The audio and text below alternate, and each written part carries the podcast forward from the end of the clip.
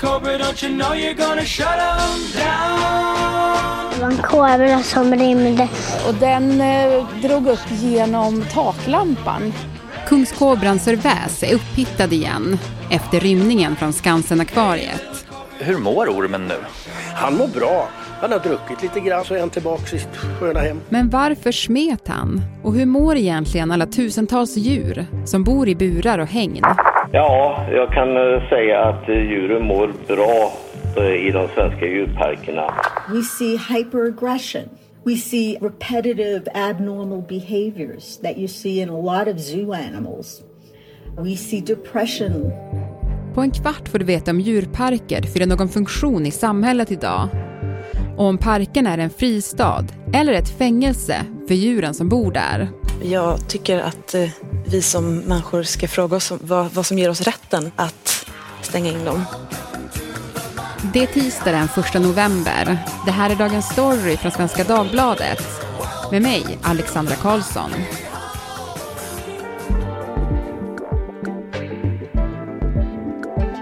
Lars Berge, journalist och författare. Du har ju skrivit en bok om vargattacken på Kolmården och är också aktuell med Spotify-dokumentären Simma med delfiner om delfinariet på Kolmården. Hallå! Hej! Du, vi ska ju såklart börja på Skansen. Och kungskobran Sörväs som smet genom en lampa där. Vad tänkte du när du hörde det? Jag måste säga att jag tycker att det är en väldigt lite märklig historia. Det framgick ju snabbt att den var otroligt giftig. Eh, jag började leta efter liknande fall i världen och hittade bland annat ett med en indonesisk sångerska. Hon hade ju någon grej att hon uppträdde med ormar på scen.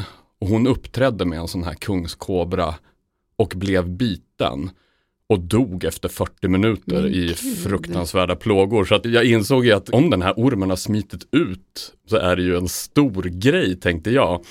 Hittade också något fall från Texas från tidigare i år när en man hade råkat tappa bort sin kobra.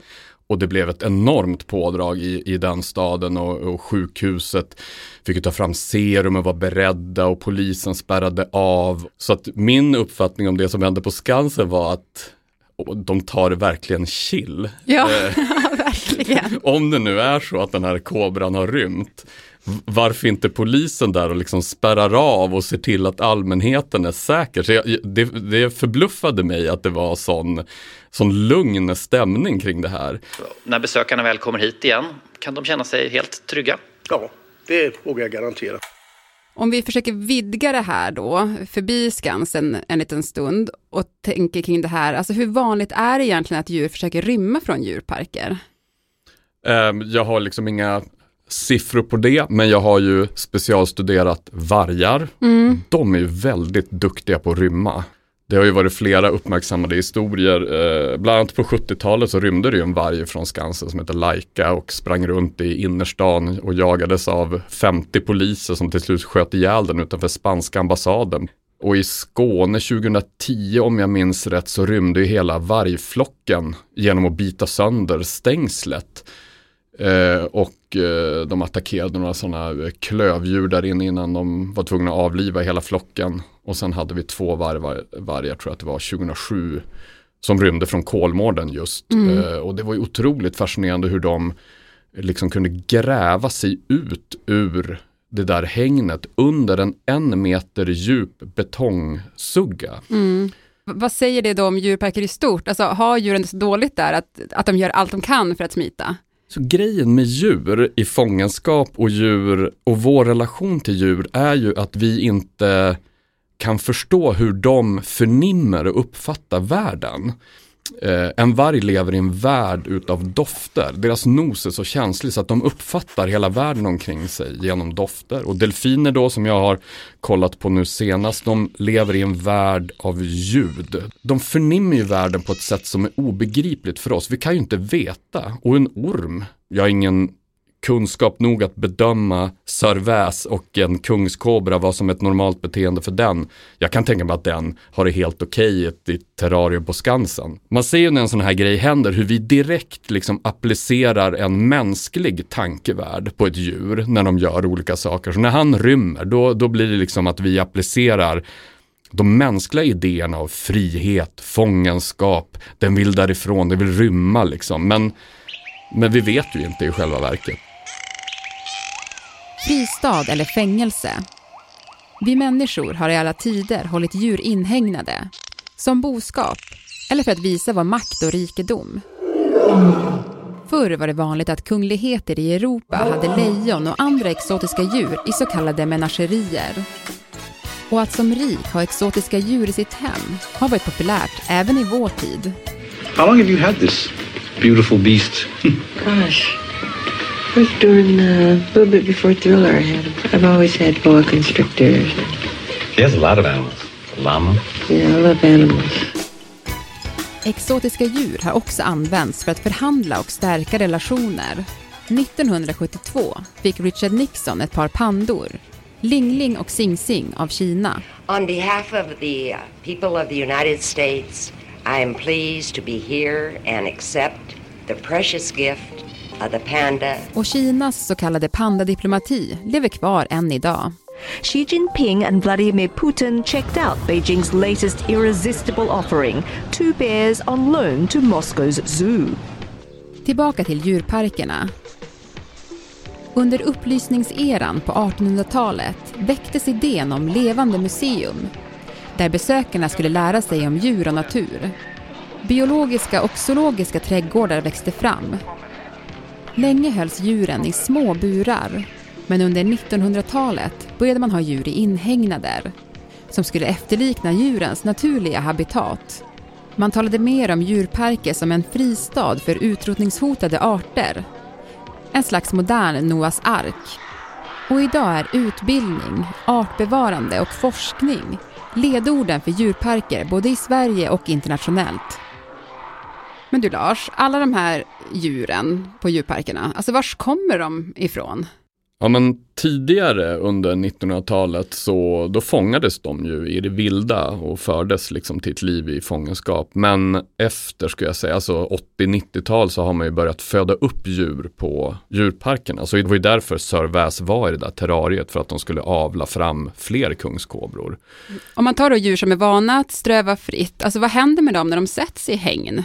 En delfin som är född i fångenskap vet ju inte vad det innebär att befinna sig i ett hav. Menar, delfiner simmar fem mil eller mer på en dag. De orienterar sig i de här enorma vattenmassorna. De har liksom sina dialekter och kulturer. Vad händer när man sätter dem i en sån jätteliten betonglåda? Givetvis så påverkar det begränsade livsutrymmet deras beteende. Och när det gäller vargar så har man ju sett att det finns som en ökad grad av aggressivitet inuti ett varghäng som man inte ser i det vilda. Det var någon som drog liknelsen om man skulle studera människor i ett fängelse eller ett fångläger. Det framkallar ju speciella beteenden hos människor och man kan ju inte inbilla sig att det berättar något om den mänskliga kulturen i stort utan det är ju det som händer på Hall, det, det, det berättar om, om livet i fängelse så att säga. Burrows furniture is built for the way you live. From ensuring easy assembly and disassembly to honoring highly requested new colors for their award-winning seating, they always have their customers in mind. Their modular seating is made out of durable materials to last and grow with you. And with Burrow, you always get fast, free shipping. Get up to 60% off during Burrow's Memorial Day sale at burrow.com slash ACAST. That's burrow.com slash ACAST. burrow.com slash ACAST. Men om vi återvänder då till Sörväs, eh, som har jäckat oss och som ormjägarna då har försökt leta upp. Alltså det låter farligt. Alltså hur farligt kan jobbet som djurskötare vara? Det kan ju vara farligt, det har vi ju sett eh, senast i somras. På Ölands djurpark var det en eh, i personal som blev dödad av en älgantilop och det finns ju en rad olyckor i Sverige. Vargattacken i Kolmården, björnattacken i Orsa, på Kolmården vet jag att det också har dött en elefantskötare. Så jag menar det är givetvis riskabelt att, att jobba med exotiska djur. De, de, kan ju vara oförutsägbara och man kan ju råka illa ut. Det, det är ju helt uppenbart. Men Sverige då som, som djurparksland, alltså hur står vi oss i förhållande till andra länder? Alltså man ska komma ihåg att djurparker som Skansen och Kolmården, de är som också en del av idén om Sverige. Mm. Eh, De är ju en del av liksom vårt eh, nationella varumärke och den svenska självbilden är ju givetvis då att vi har ju exceptionellt goda djurskyddslagar, vi har det bästa arbetsskyddet i världen. Det är nästan så att vi inte kan föreställa oss att djur på våra djurparker skulle kunna fara illa eller att det skulle kunna hända olyckor där. Men ändå händer det ju med, med regelbundenhet. Och varje gång så blir vi, eller blir folk lika förvånade. Att de kan, bara, hur kunde det här hända? Men så fort man börjar titta på vetenskap och studier så ser man ju att djuret har ju bara följt sina naturliga instinkter i regel. Mm. Och problemet är att människan gör konstiga saker och utsätter sig för jättestora risker och rätt för det är så händer det något farligt liksom. I Kolmården var det ju definitivt så. Där var ju personal själva som larmade om hur farligt det var men att man från ledningen valde att inte lyssna. Vi hade gått in till vargar i 29 år. Det sågs inte som ett hot och det var en missbedömning.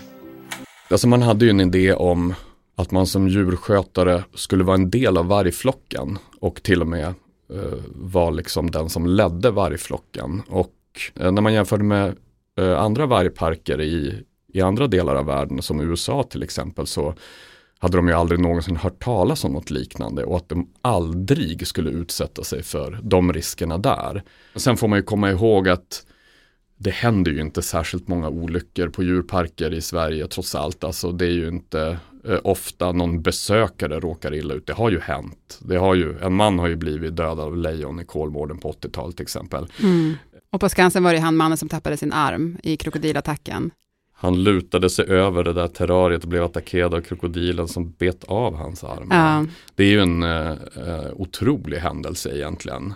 Det är någonting med Skansen-akvariet och Jonas Wahlström. Han är ju en entertainer och en sagoberättare. Han är ett PR-geni helt enkelt. Han gör dem till de här eh, nästan som serietidningshistorierna. Så tyckte jag med Sir när, när man kollade på det och han var borta. Så när man intervjuade Jonas Wahlström så så målade han upp bilden nästan som i en kalanka tidning Alltså det var som en dråplig jakt på en förrymd orm. Han tittade fram genom någon lucka, han kom fram. Och sen som i en skräckfilm så här i slutet så försvann han igen. Och sen så var han bara tillbaka i sitt terrarium och ingen kunde riktigt förklara hur det hade gått till.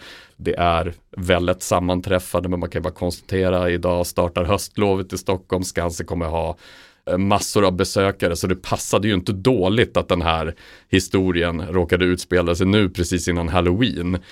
Men eh, med det sagt menar jag inte att jag tror att det var en PR-kupp eller något, men en perfekt hanterad eh, medieberättelse var det ju från Jonas Wahlström och Skansen-akvariet ändå. Det är ju reklam som inte går att köpa för pengar. God mat idag frågar jag. Det var väl gott. Ja. Skansen grundades 1891 av forskaren och folkbildaren Arthur Hazelius. Hans drivkraft var fosterlandskärleken. Under slutet av 1800-talet förändrades det svenska samhället i grund. Under sina resor i Sverige insåg han att det gamla bondesamhället höll på att försvinna. Han hade visioner och han förverkligade dem. Hans vision var ett friluftsmuseum där besökarna kunde ta del av natur, kulturarv och underhållning från alla Sveriges trakter. Naturligtvis skulle det också finnas djur. I utställningarna fanns klassiska tamdjur som getter och renar. Men också vilda nordiska djur, björnar, älgar och vargar. And being so close to the North Pole, of course the ice bears. Look at them, aren't they wonderful? Men han tog också emot gåvor, exotiska djur, som fick vara kvar. Eftersom Hazelius antog att besökarna skulle betala mer för att se dem. Aphuset öppnades 1924 och där fanns också papegojor, sköldpaddor och akvariefiskar. På 30-talet kom elefanten Lunkentus och strax därefter Bambina. De blev omåttligt populära. 300 000 barn sägs ha ridit på Bambinas rygg. Men med tiden krävde Jordbruksverket större ytor för djurparksdjur. Något Skansen hade svårt att leva upp till. Efter långdragna konflikter beslutade Skansens styrelse 1992 att elefanthållningen skulle avvecklas. Och de sista elefanterna, Nika och Shiva, skänktes till en djurpark i England. Men du, alltså fyller djurparker eh, någon funktion i vårt samhälle idag? Det beror på hur man ser på världen. Jag menar, uppenbarligen finns det någon slags efterfrågan och eh, besökare kommer och köper inträdesbiljetter. Så på det viset kan man väl säga ur någon slags kapitalistisk logik så fyller de en funktion. Och själva hävdar ju ofta de här större djurparkerna att de fyller en funktion för att de jobbar med artbevarande, att de ser till att utrotningshotade djurarter finns kvar på jorden eh, helt enkelt. Mm. Men vad tänker du om framtiden för djurparker då? Ja, men jag kanske har svårt att se en framtid för den här traditionella temaparken som SeaWorld eller för den delen som vi känner Kolmården där man liksom blandar berg och dalbana och, och exotiska djur.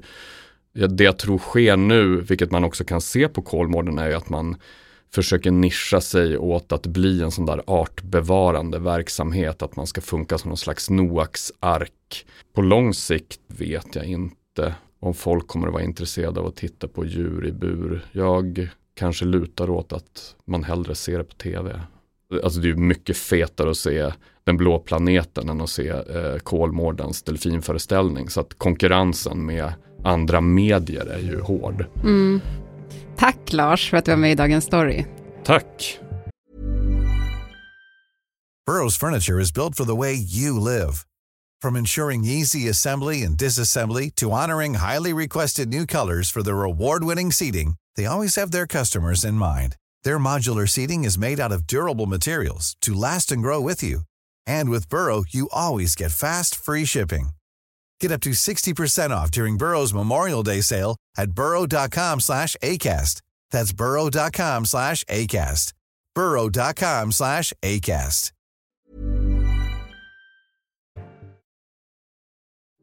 Programmet idag producerades av Kajsa Linderoth, redaktör var Trissa Stenle von Matern och jag heter Alexandra Karlsson. Vill du kontakta oss så mejla till dagensstory.svd.se. Klippen i programmet kom från Aftonbladet, Aktuellt, SVT, Nyhetsmorgon, SBS, Richard Nixons Archive, dokumentärerna Simma med delfiner och Vargattacken på Kolmården. Filmerna Skansen, en upptäcktsresa och Skansen. Samt musik av Ripcords, Animal Magnet och Michael Jackson.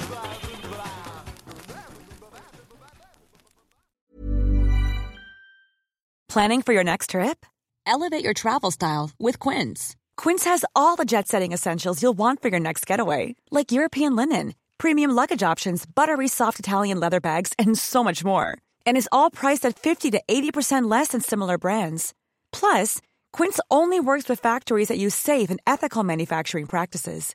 Pack your bags with high-quality essentials you'll be wearing for vacations to come with Quince. Go to quince.com slash pack for free shipping and 365-day returns.